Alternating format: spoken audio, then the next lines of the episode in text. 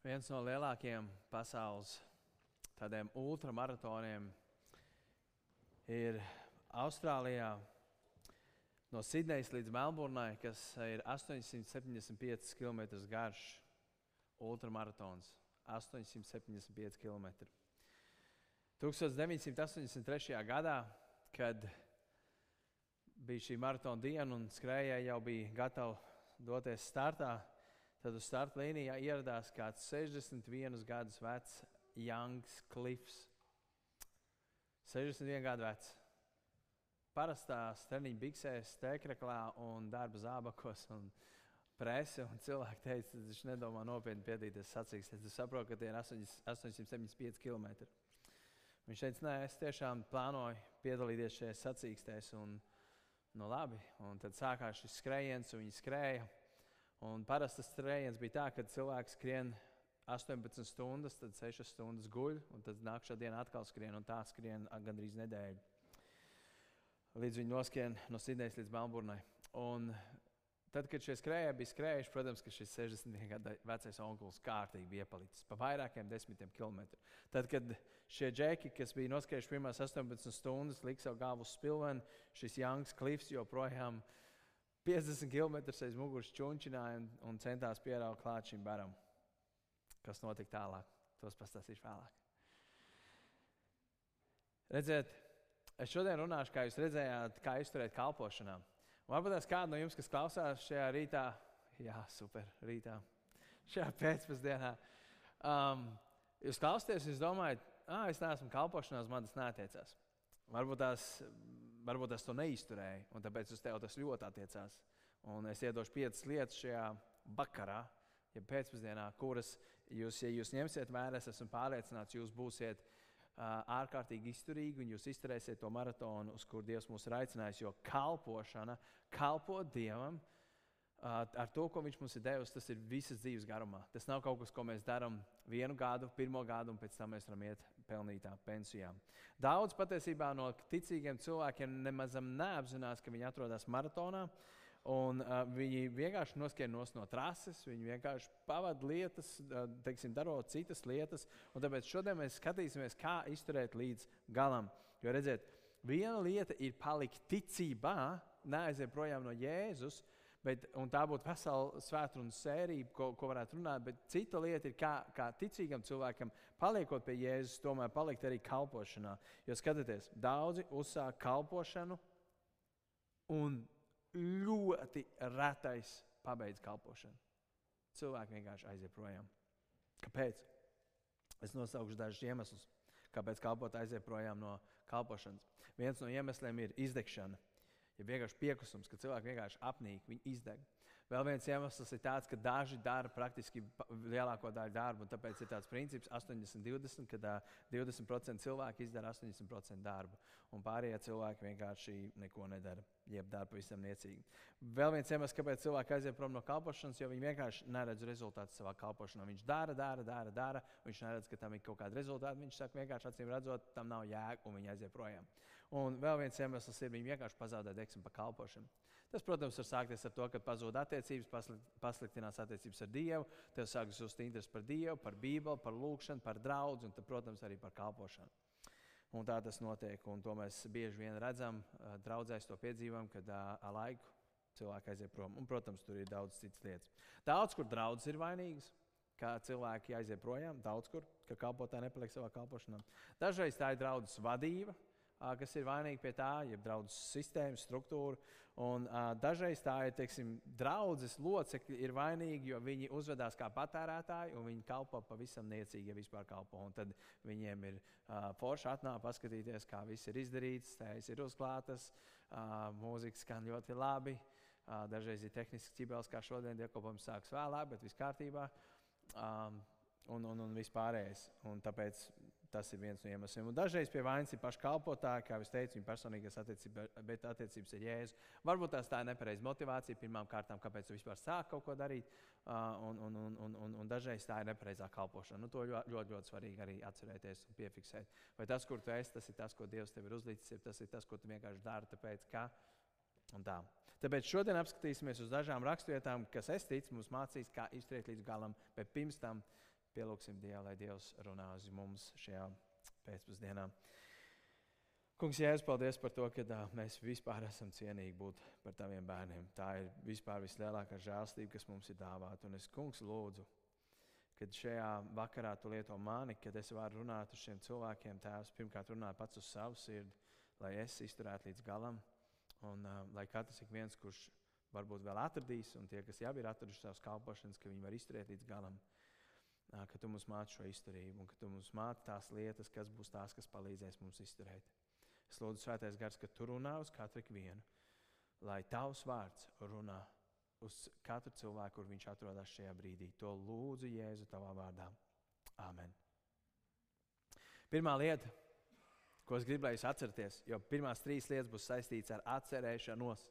Atcerieties, atcerieties, kam tu kalpo. Atceries, kam tu kalpo. Tā ir pirmā lieta. Ļoti svarīga lieta. Ja mēs dzīvē pazaudējam fokusu, vienalga, ko mēs darām, mēs varam aizšaut galīgi reizi. Līdz ar to pirmais nosacījums, lai mēs arī kalpošanā izturētu, ir paturēt prātā, kāpēc tu vispār to dari. Kam tu kalpo? Vislielākā kļūda, ko cilvēki nereti var pieļaut, un to bieži vien var dzirdēt, redzēt uh, tradicionālās draudzēs, un tāpēc arī es mēģinu šo draugu vadīt savādāk nekā tradicionālās veidos, bet tradicionālās draudzēs ir tā, mācītājs tev par to maksā, to arī to dara. Tad, kad mācītājs pajautā, nu, mums tur pārplīst trūks, un, piemēram, piemēram Dārvids būtu um, um, tas santehnicis, paldies. Jā. Uh, es teiktu, Dārvid, atnāc palīdz, tad es zinu konkrēti gadījumu, kad, nu kā, tu esi mācītājs, tu ej tais. Bet Dievs jau draudzē mums ir ielicis katrs savā lietā un vietā, lai mēs kalpotu ar to, ko Dievs mums ir devis.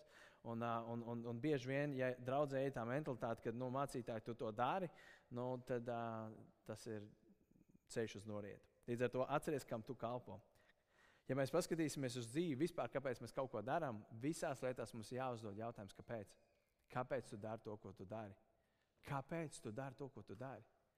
Mēs to varam runāt arī par darbu. Kāpēc tu esi tajā darba vietā, kurā tu esi? Tu visu laiku saki, ka tev nepatīk. Kāpēc tu tur esi? Un tie cilvēki, kuri um, kaut ko dzīvē sasniedz, ir, es lasīju nesen vienu um, grāmatu, izlasīju par menedžmentu. Un, pa vadību. Viņš teica, to, ka no septiņiem dzīviem, lieliem dzīves lēmumiem, septiņiem, kur viņam bija jāmaina pilsēta, darba vietas, pieci no septiņiem bija tādi, kur bija pilnīgi solis uz leju. Solis uz leju amatā, solis uz leju algā, solis uz leju vēl kaut kādās lietās, bet viņš redzēja, ka tur būs iespēja izaugt. Un tas ir tas, kā mums ir jāskatās arī kalpošanā. Kā minimums tev jāspēj atbildēt priekš sevis. Kāpēc tu dari to, ko tu dari? Kam par godu tu kalpo? Un varbūt tās kāda, kur nekalpo. Un arī tev ir jāatbild uz jautājumu, kāpēc tu to nedari. Um, Apastu darbos 20. nodaļā Pāvils saka vienkārši reāli labus vārdus. 24. pantā. Viņš saka tā, bet man, nepiedodiet, bet mana dzīvība man nekādā ziņā nav tik dārga, lai es atstātu nepabeigtu savu ceļu un uzdevumu, ja jaunajā tulkojumā ir rakstīts kalpošana, tas ir tas precīzāks tulkojums, lai es atstātu nepabeigtu savu ceļu un savu kalpošanu, ko es esmu saņēmis no Jēzus, apliecināt Dieva žēlstības evaņģēlā. Viņš saka, man Jēzus pateica, ka man ir jāiet pie pagādiem, pagāniem un jāsudina evaņģēlī. Un man, mana dzīvība nav tik dārga, lai es vienkārši pateiktu, zini kā, Es jau tā 15 gadus uh, esmu evanģēlī pasludinājis vairāk nekā visi citi kopā, līdz ar to es varu iet uh, pensijā. Viņš saka, nekādā ziņā. Mana dzīvība, manas intereses, manas vēlmes, tas, ko es vispār gribu sasniegt, tas vispār nav tik svarīgs. Viņš pasaka to par katru cenu. Viņš ir gatavs pabeigt to kalpošanu. Un ziniet, kāpēc? Tāpēc, ka viņš zināja, kam viņš kalpo. Tas bija izšķirošais. Viņš teica, to, ko man Jēzus ir pateicis, kā lai es vispār uzdrošinos atstāt to kalpošanu. Jūs, kas man pazīstat, ziniet, ka man patīk uzsākt lietas, un, un, un, un, un izaicinājums ir nobeigt lietas. Un, un, un domāju par draugu, man domāju, dibināt draugus citās vietās, tam līdzīgi. Pilnīgi siegals arī, ka tu varētu kaut ko braukt un kaut ko darīt. Bet es apzinos to neskiem pa priekšu, kamēr Dievs man nav aicinājis, ja kaut kur citur, tikmēr būšu liepājā. Bet, un, un tā, tas ir tas, kas mums ir jāpatur. Dažreiz tā, o, oh, es varētu to, to, to. Bet, Pabeidz to kalpošanu, kur viņš tev ir uzticējis. Kamēr viņš tev neaicina nekur projām, kamēr tu redzi, tavu kalpošanu ir svētīta, tikmēr esi tur, kur tu esi. Un, un tas ir tas, kas motivēja Pāvēlam pabeigt viņa kalpošanu labi. Es zinu, kam es kalpoju. Jēzum. Daudz izstājas un nepabeidz savu kalpošanu, jo mērķis nav bijis Dievs. Mērķis ir bijis varbūt tās, tāpēc, ka, oh, tev vajag labi sanākt, vai mums tiešām nav neviens, tāpēc dari to. Un cilvēks vienkārši mocās, mocās, mocās, un viņš nespēja. Un viņš vienkārši izdeg līdz pilnīgi pēdējiem, un viņš aiziet projām. Bet uh, tas nav tas, uz ko mēs esam aicināti. Un lieliski piemēram mēs varam redzēt tajos misionāros. Kuri dodas uz ļoti cietām vietām, tur, kur cilvēki ir noraidoši. Tur, kur cilvēki, piemēram, man, mēs vakar mācījāmies misijā, kad hinduistiem ir ļoti grūti pastāstīt par Dievu.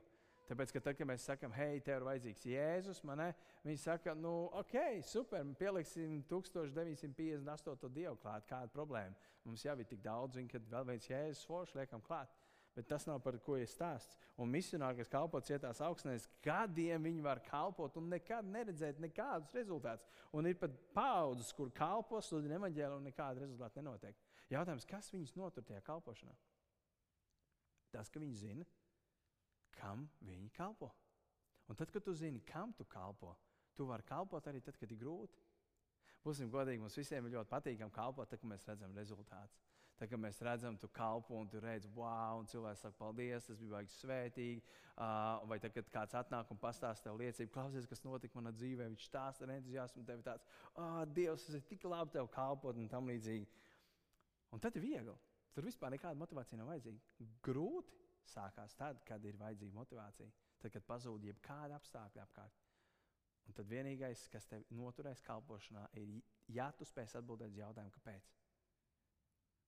Tas būtu patiesībā pirmais punkts, pie kādiem, ja mēs būtu, ja mēs būtu konferencē vai seminārā, es teiktu, šajā brīdī fonā skanēs mierīga mūzika, izvelciet lūdzu šos uh, izdevuma materiālus un brīvā vietā lūdzu uzrakstiet, kāpēc. Tas būtu īstenībā ļoti labi, ko varētu darīt. Man, Um, Pāvils saka, ka viņam viņa dzīvība nav tik dārga, lai viņš atstātu to kalpošanu, ko viņam ir uzcējis Dievs. Daudziem šīs zemes vilinājums, kārdinājums ir ļoti spēcīgs, un viņi vienkārši nespēja izturēt kalpošanu. Viņš vienkārši iet darīt kaut ko citu. Atcerieties, Pāvēlam bija kāds kompanions, ar kuriem viņš kopā kalpoja, vārdā, vārdā Dēma. Un Dēma, ko mēs par viņu lasām, viņš saka, dēma ir mani atstājis un atstājis to kalpošanu un aizgājis pasaulē. Viņš pasauli vairāk mīlēja, un es esmu palicis viens pats.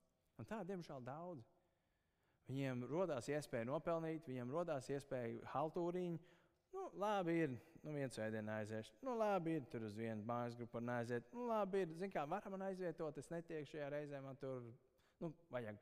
Un, un vienreiz, otrreiz, trešā reize, un tu pats īstenībā nezini, ja tev būtu jānosauc, kad tas notika, kad tu vispār tā pameti Dievu un visu to kalpošanu, to tu pat īsti nevari. Bet tas sākās ar vienu izvēli, kurai seko nākošā un nākošā. Tad pirmā lieta - atceries, kam tu kalpo. Otrais, kas mums jāatcerās, atceries, kas tev par to būs. Kas tev par to būs? Iemesls, kāpēc cilvēks spēj izturēt milzīgas sāpes un ciešanas, ir tāpēc, ka viņi zina, kas pēc tam sekos. Iedošu vienu tādu piemēru. Atcerieties, nu, es vismaz atceros, tāpēc, ka pēdējos gados to neesmu redzējis, bet kādreiz, kad es biju jaunāks, tad bija tāds raidījums, uh, baiļu faktors.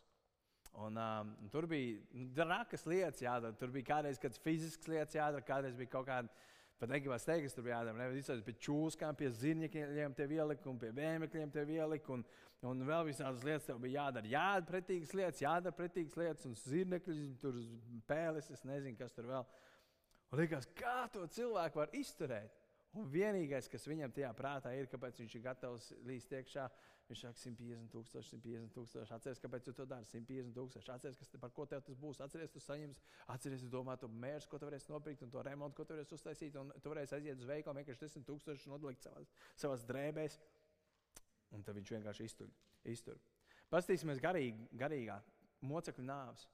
Tie cilvēki, kas ir gājuši bojā mocekļu nāvēs, Jēzus viņa mācekļi vēsturiski gāja bojā dažādās mocekļu nāvēs. Šodien cilvēki tiek nogalināti par ticību. Kas ir tas, kas viņiem liek, kad viņiem ir piemēram pistole pie deniņiem, atsakies no Jēzus Kristus, ja nē, mēs tā nošausim. Viņš saka, nē, Jēzus Kristus ir mans kungs. Kas viņam to liek? Un viens no motivācijām, kas ir, viņš zina, kas viņam par to būs.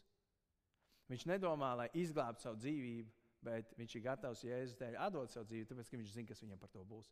Un tieši tāpat tās kalpošanā, tad, kad kalpošanā ir grūti, tad, kad tu zini, kāpēc tu to dari, un tad, kad tu zini, kas tev par to būs. Un no vienas puses liekas, nu, jā, nu, tas jau tā bišķiņa sautīgi, bet nē. Tas ir tas, ko Bībelē saka. Es pateikšu, godīgi, ziniet, tad, kad es skatos cilvēku visu kaut ko radīt, es domāju, jā, tu neko nevari. Es vienmēr saku, zini, kas ir, debesīs man būs. Debesīs man būs. Un man tas motivē, tāpēc, ka tā ir patiesība. Debesīs man būs. Un tiem, kuriem varbūt tas ir vairāk šeit, un kuri nodošies vairāk kalpot uh, mamonam, kā Bībelē saka, tad, tā, tā, ja viņi atbūs debesīs, viņi teiks, pats, kā to man daudz. Bet tā, tā, tā, tā ir jābūt vienai motivācijai, ka tu apzinājies to, ka kas tev par to būs. Uh, 1. korintiešu 15. nodaļa, 58. pāns. Tad, nu, mani mīļie brāļi, topiet pastāvīgi, nešaubīgi, pilnīgāki tā kunga darbā, vienmēr, tad savā kalpošanā, vienmēr zinādam, ka jūsu darbs tā kunga lietās nav veltīgs. Pāvila arguments šajā vietā ir tas, zinādami, ka tā tava kalpošana, tad, kad tu kalpo Dievam, viņa nav veltīga. Um, iespējams, kad, tad, kad mēs paskatāmies, kāpēc cilvēki atstāja kalpošanas, ir tāpēc, ka viņi domā, ka tas, ko viņi dara, kādam vispār jēga. Un, un šeit es gribu parunāt par vienu lietu, un, un, un es zinu, ka mēs cilvēki esam dažādi. Kādiem cilvēkiem ļoti svarīgi dzirdēt, nu, paldies, reāli, paldies. Tas bija rītīgi labi, man bija vajadzīgs. Visiem mums to patīk dzirdēt. Bet ir daudz cilvēku, kuri būtībā, kuru kalpošana, jeb tas, kas viņu notur kalpošanai, tas, ka kāds viņam to pasaka, un ja viņš nesaņems pietiekoši paldies, viņš vienkārši atstās savu kalpošanu. Un tajā brīdī es gribu teikt, ka tev ir pirmkārt nepareiza motivācija kalpot. Mums būtu jābūt gataviem kalpot, pat ja tu nekad nesaņem nevienu paldies. Tā būtu jābūt bībeliski.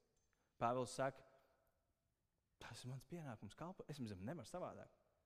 Mēs nekalpojam par paldies, mēs kalpojam vienkārši tāpēc, ka Dievs mums to aicina. Un tā ir rakstīts, un tā viena motivācija ir zinādama, ka jūsu darbs tā kunga lietās nav veltīgs. Tad tā lieta, ko Pāvils saka, viņš saka, ja tu zināsi, ja tu apzināsies, ja tu to ieliksi savā prātā, ka tad, kad tu kalpo Dievam, patiesībā vienalga, ko tu dari, tam būs, tas nebūs veltīgi. Tam būs rezultāti. Un būsim godīgi, ir ļoti daudz lietas, kuras mēs ikdienā darām, kuras ir veltīgas. Ļoti daudz, un tu zini savā dzīvē. Tu zini, cik daudz laika telefonā tu pavadi. Tiem, kam ir iPhone, jūs zināt, tur ir tāds Apple screen laiks, man, kur tu vari redzēt, cik daudz laika tu pavadi. Uh, daudz no jums zina, ka tur ir daudz, pa daudz stundas, kas tiek pavadīts. Tiem, kam ir televizors, jūs zināt, ka jūs pa daudz stundas pavadāt. Tiem, kam varbūt tās esat darba holiķi, un jūs zināt, ka jums vajadzētu vairāk pavadīt laiku kaut kur citur, noderīgās lietās, jūs um, nepavadat. Mēs zinām, ka mēs darām simtiem lietas katru dienu, kuras ir veltīgas, bet te ir rakstīts, Tava kalpošana, tā kunga lietās nav veltīga. Nav veltīga. Es nezinu, līdz galam, absolūti nezinu. Man nav ne jausmas, ja godīgi sakot, ko nozīmē, ka mēs saņemsim algu debesīs. Nu, teiksim, citās vietās rakstīts, mēs saņemsim atalgojumu. Es nezinu, vai tas būs dolāri vai tie būs eiro vai tā būs kriptovalūta vai bitkoins. Vai, vai tas būs kaut kāds īpašums debesīs, man vienam augstāk griezti, vairāk zelta. Es nezinu. Bet es zinu vienu lietu, un šis izriet no tā, ka mums jāpazīst Dievs. Tad, kad tu pazīsti savu Dievu, un tu zini, ka Viņš ir reāli labs, reāli bagāts, reāli dāsns, un Viņš priekš tevis vēl pašu labāko. Es vienkārši uzticos, tāpēc ka es zinu, ka Dievam ir pats labākais priekš manis. Un es vienkārši kalpoju es jau nezinu, kas tur būs. Es atceros, es to esmu stāstījis vairāk kārtīgi. Tas eh, ir jau mācīties, es vienmēr teicu, nu, es negribētu debesīs ielas slaucīt. Ne, nu, jā, es arī kā negribētu. Bet citi teikt, nu, kā tik debesīs? Katram iespējams ir tie atšķirīgie līmeņi, kā ko, ko tu domā. Bet reāli jautājums man ir, kāda būs tā alga? Mēs nezinām, bet mēs zinām to no rakstiem, ka tas būs tā vērts. Visu to iemeslu dēļ, kur mēs kalpojam, vai kuru dēļ tu gribi pamest savu kalpošanu. Te ir rakstīts, tas būs tā vērts. Um, es domāju, redziet, man ir ļoti grūti saprast saistībā ar,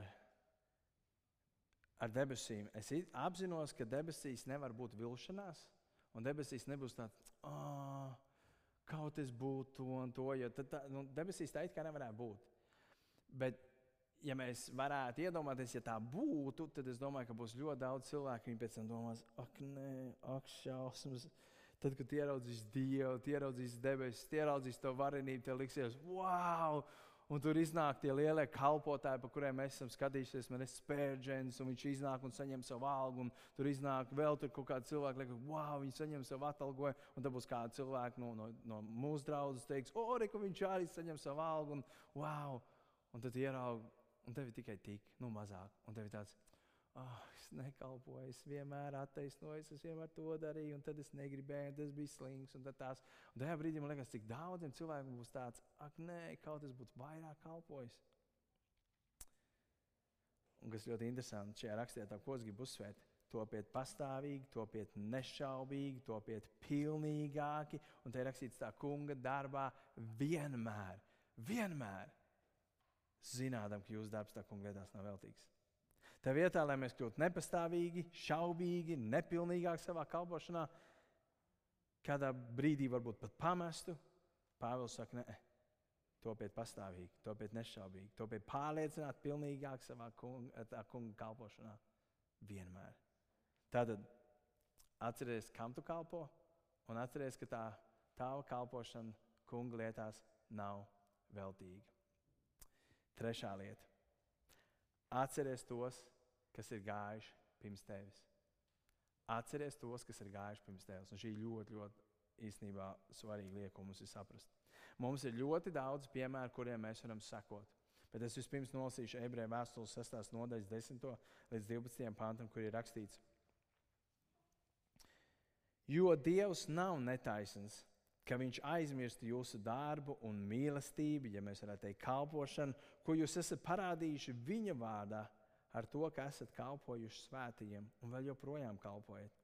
Bet mēs gribam, lai katrs no jums parāda to pašu centību, lai pastāvētu pilnīgā cerībā līdz galam, ka jūs netopat kūtri, bet sekojat tiem, kas ar ticību un pacietību iemanto apsolījumus.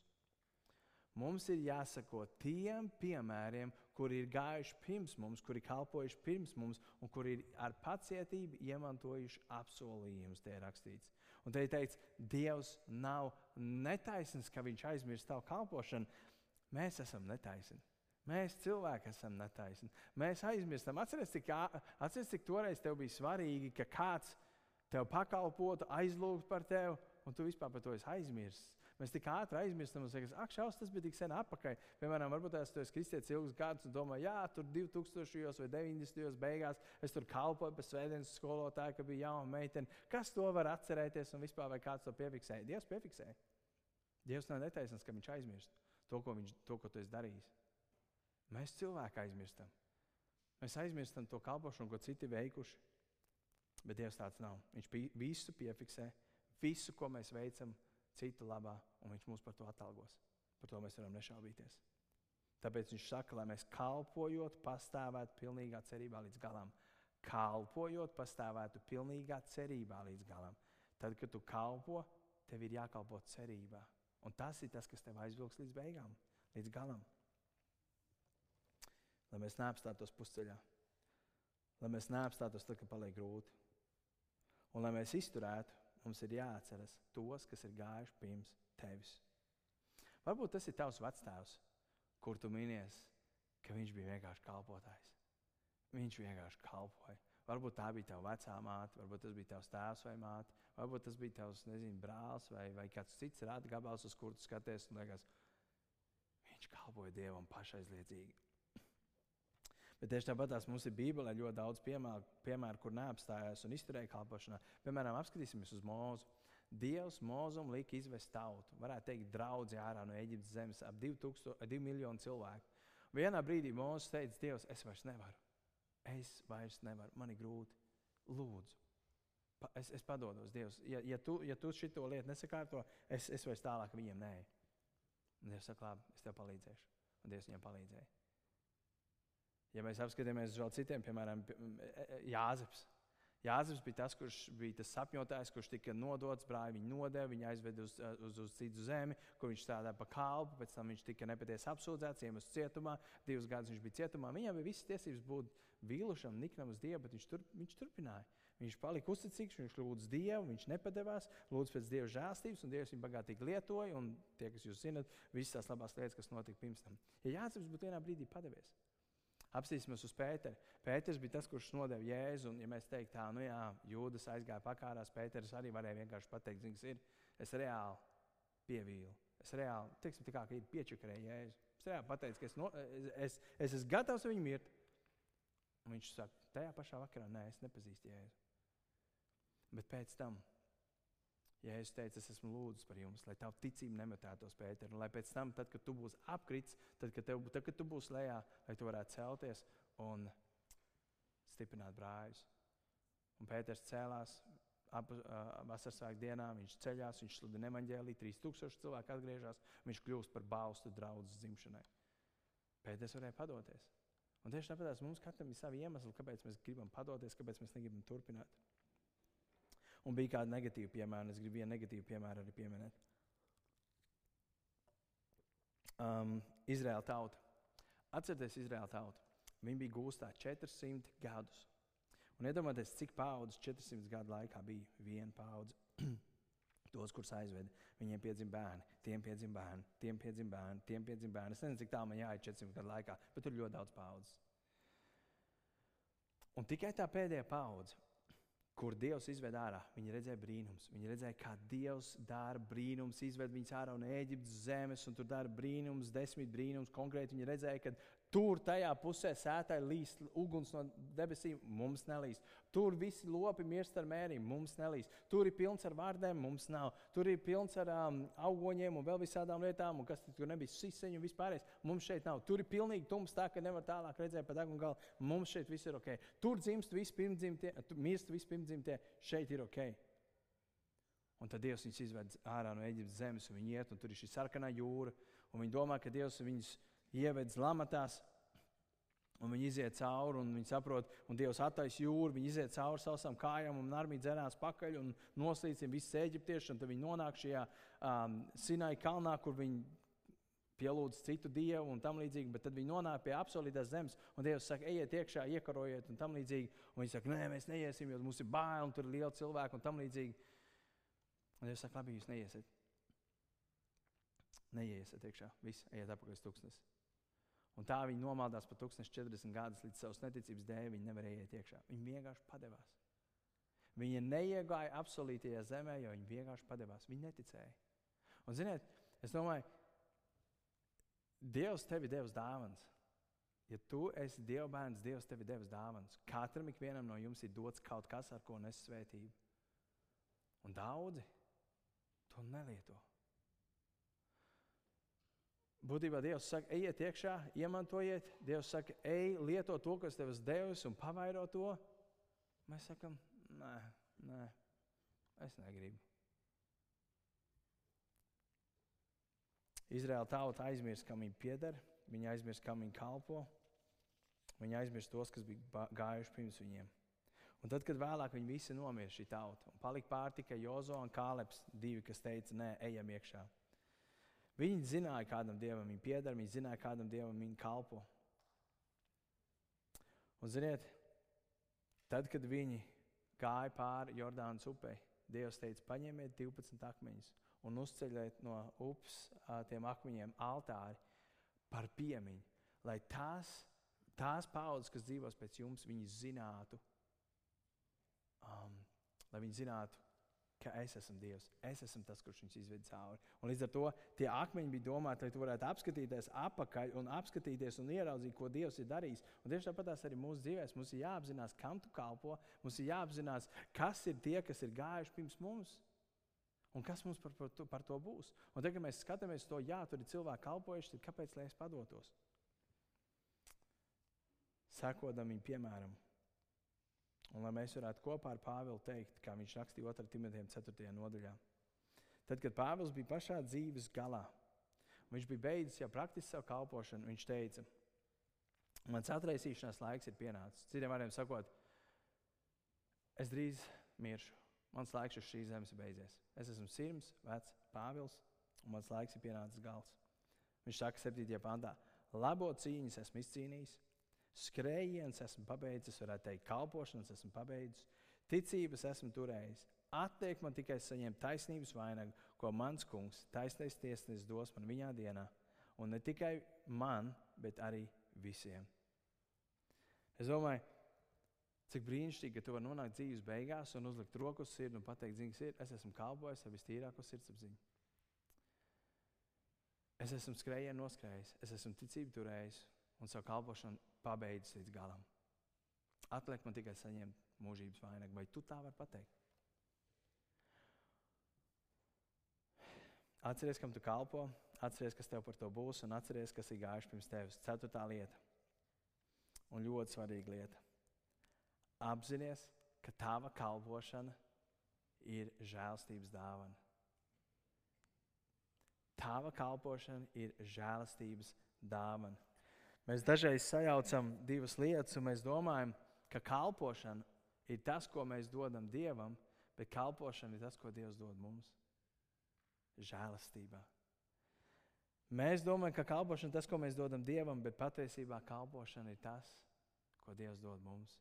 Un tā ir vislielākā žēlastība, ka Dievs mums, grēciniekiem, pestītiem žēlastībā, dod dāvāns, ar kurām mēs varam kalpot citiem. 2. korintiešiem 4.1 ir rakstīts, tādēļ šī kalpošanā būdami, kas mums uzticēta no žēlastības, mēs nepiekūstam. Jūs dzirdat, mēs nepiekūstam, tāpēc, ka mums ir uzticēta kalpošana no žēlastības. Tā kalpošana, kas tev ir dota, tās gardāvans, kas tev ir dotas, ir uzticēts tev žēlastībā. Tu absolūti neesi pelnījis nevienu no tām dāvanām, un tu neesi pelnījis būt tajā kalpošanā, kurā tu stāvi šodien.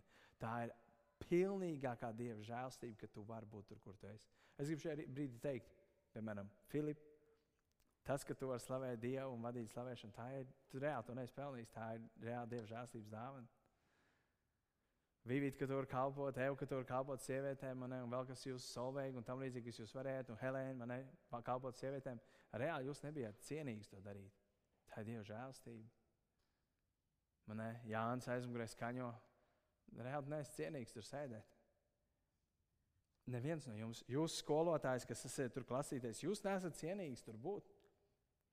Es šeit stāvēt, neesmu cienīgs. Un tā ir Dieva žēlstība, kad mēs varam kalpot. Pilnīgākā Dieva žēlstība, un to mums ir jāatcerās. Jo ziniet, kas notiek pretējā gadījumā? Ja mēs to neredzam kā žēlstību, tad mēs to redzam kā veidu, kā mēs varam izpatikt Dievam, izpelnīties kaut ko no Dieva. Ka mēs domājam, mēs varam nopelnīt Dieva atzinību, Dieva labklājību, bet tas nav iespējams. Tāpēc Pāvils Romiešos saka, ka katram no mums ir dots žēlstības mērs. Tas nozīmē, vienam tik, otram tik, vēl vienam tik.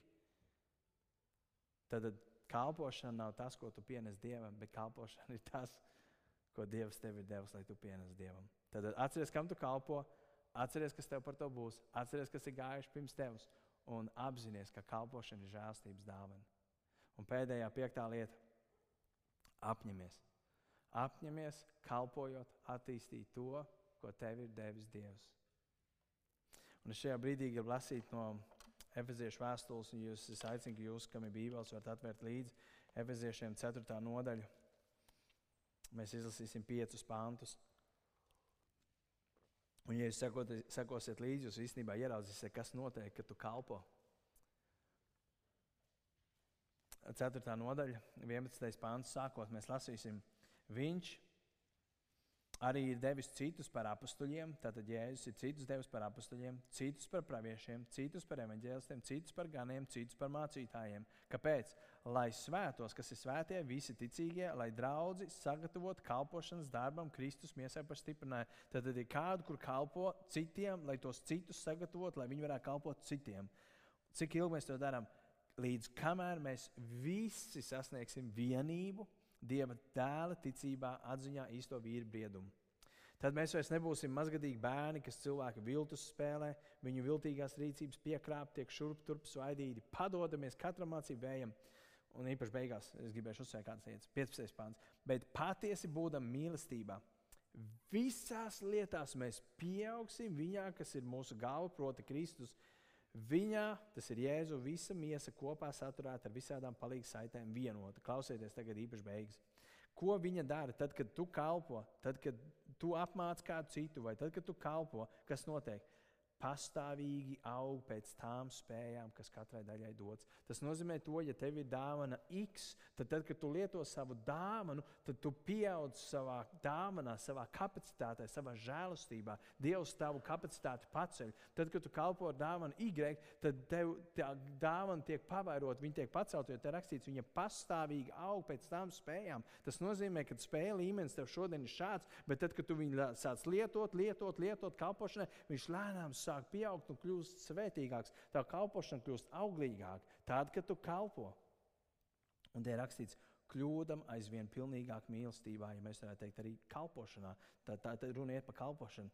Kļūdam aizvien pilnīgāk. Tad, kad tu kalpos, tu kļūsi pilnīgāks tajā kalpošanā. Tu kļūsi pilnīgāks savā dāvanā, kur tev svētais gars ir devis.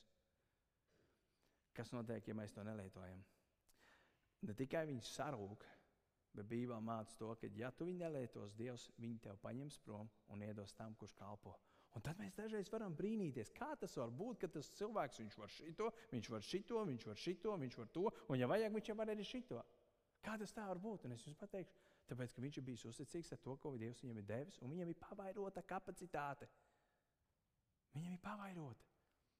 Bet arī tev var būt pavairota, ja tu uzticīgi lietos to, ko Dievs tev ir devis. Un tad, kad mēs pieaugam kalpošanā, tad, kad mēs kalpojam, ziniet, kas ir ieguvēji? Visi. Tu esi ieguvējis, tāpēc, ka tava kapacitāte ir pieaugusi. Tas, kuram tu esi kalpojis, ir ieguvējis, jo viņam ir kalpots. Ziniet, varbūt tāds neviegls piemērs, bet reāls. Atcerieties, es stāstīju kādreiz, kad spēlēju tādu virtuālo spēli, Hatriks, futbolu tur bija. Un tur bija tev iedod spēlētājus, dažādos vecumos viņi ir. Un viņiem ir spējas, tur ir teiksim, aizsargam, ir svarīga aizsardzība, uzbrucējiem uzbrukums, vārdsargam vārdsardzība, un pusargam tur nu, pusardzība un tā.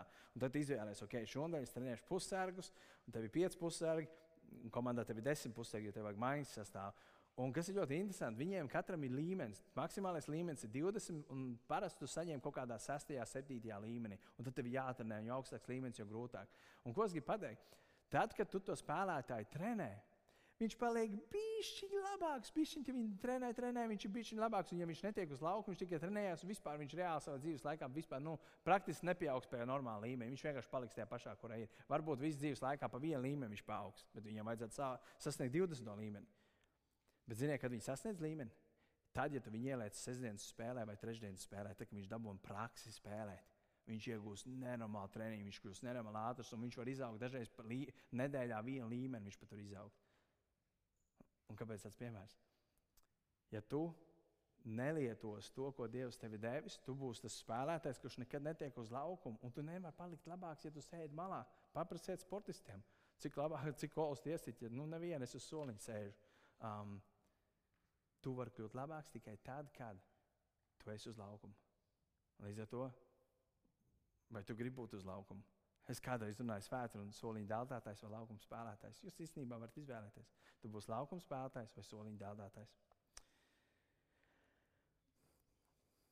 Galvenā doma, ko šajā rītā vēlos, rītā, nē, vakarā, ko es jums gribu nodot, ir kalpošanā neskatīties uz cilvēkiem, bet kalpošanā skatīties uz to, ko Dievs ir devis tev un uz to, ko tu vari dot citiem.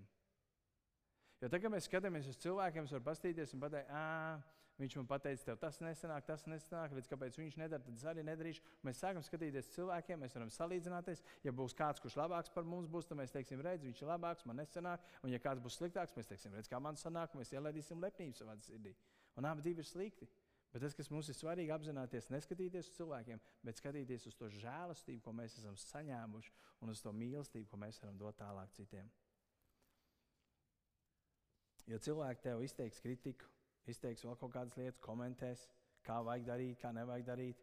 Bet, ja tu apzinājies, ka tava kalpošana ir Dievam par godu, un tā ir tava, tev dota žēlstības dāvana, tu kalpos pilnīgi citā apjomā. Un, ziniet, pāri visam apzināties evaņģēliju. Tad, kad Jēzus bija izsūtījis sev 70 mācekļus kalpošanā, viņš tiem teica, ejiet, dziediniet cilvēkus, izdeniet dēmonus un uh, sludiniet evaņģēlī. Trīs lietas viņš viņiem teica. Ejiet darīt šīs lietas. Un mēs lasām Lūkas evanģēlī 10. nodaļā, 17. 17. pāntā, tur rakstīts, un šie 70 pārnāca un ar lielu prieku stāstīja, uh, kungs, pat ļaunie gari mums padodas tavā vārdā. Iedomājieties, viņi pārnāk mājās 70, te bija vairāk kā 70, bet es tā iedomājos, es šeit stāvu un tagad jūs visi esat atnākuši un saka, tu, tu nevari iedomāties, kas notika karostā. Mēs bijām tur pie ielas, dēmoni gāja laukā, tur bija klibi cilvēki, mēs uzlikām rokas, viņi reāli staigāja, reka viņš tur ir atnācis. Tas nav nekas, ja tu redzēji, kas tos spēlē notikt, jā, ko jūs te pat tos par mums te centrā tādas lietas notiek. Viņi tur stāst un priecīgi, jo te ir rakstīts ar lielu prieku stāstīja. Aizrautību. Wow, Jēzu, ja tu tik zinātu, kas notika. Ja es tāds, nu, pastāst. Bet ko viņš saka 20. pantā? Viņš atbild. Ja es saku, tomēr nepriecājieties par to, ka gari jums paklaus, bet priecājieties par to, ka jūsu vārdi ir ierakstīti debesīs. Ja es paņemu fokusu projām un aizvedu pilnīgi uz citu lietu, un tev to pašu es gribu teikt jums šodien. Nepriecājieties par to, ka Nē, ir jāpriecājas, bet, ja es gribēju to fokusu pārlikt, hei, jā, tas viss ir svarīgi un tam ir sava vieta, bet es gribu, lai jūs apzināties, ka pāri visam tā ir Dieva žēlstība, ka tavs vārds ir ierakstīts debesīs. Par to priecājieties. Kalpojiet ar tām dāvanām, ko Dievs ir devis, bet apzināties, ka tavs vārds ir ierakstīts debesīs un par to priecājies, ka tavs vārds ir ierakstīts dzīvības grāmatā. Tas ir tas, kāpēc Dievs sūtīja savu dēlu Jēzu, jo mēs bijām pazuduši. Tā bija tā lielākā problēma. Jēzus jau nav kaut kāds burbulis, kurš nāk un skaties, reku ir klips cilvēks, bum, reku viņš staigā. Mēs tā, wow, kā tu tā māki. Reku ir dēmoni apsēs, bum, un reku viņš ir normāls. Wow, kā tu tā māki. Par to nav stāsts. Ir par to, ka reku ir pazudis cilvēks. Daudz no jums zina, kādi jūs bijāt.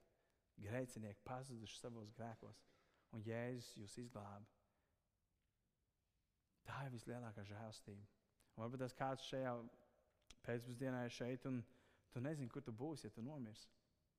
Es gribētu apzināties to, ka tavs vārds var būt ierakstīts dzīves grāmatā, ja mēs atzīstamies savos grēkos un pieņemam Jēzus upuri par mums. Jo neviens no mums ar saviem labiem darbiem nevar nopelnīt glābšanu. Kalpošana ir tas, ko Dievs ir devis mums, nevis tas, ko mēs dodam Dievam.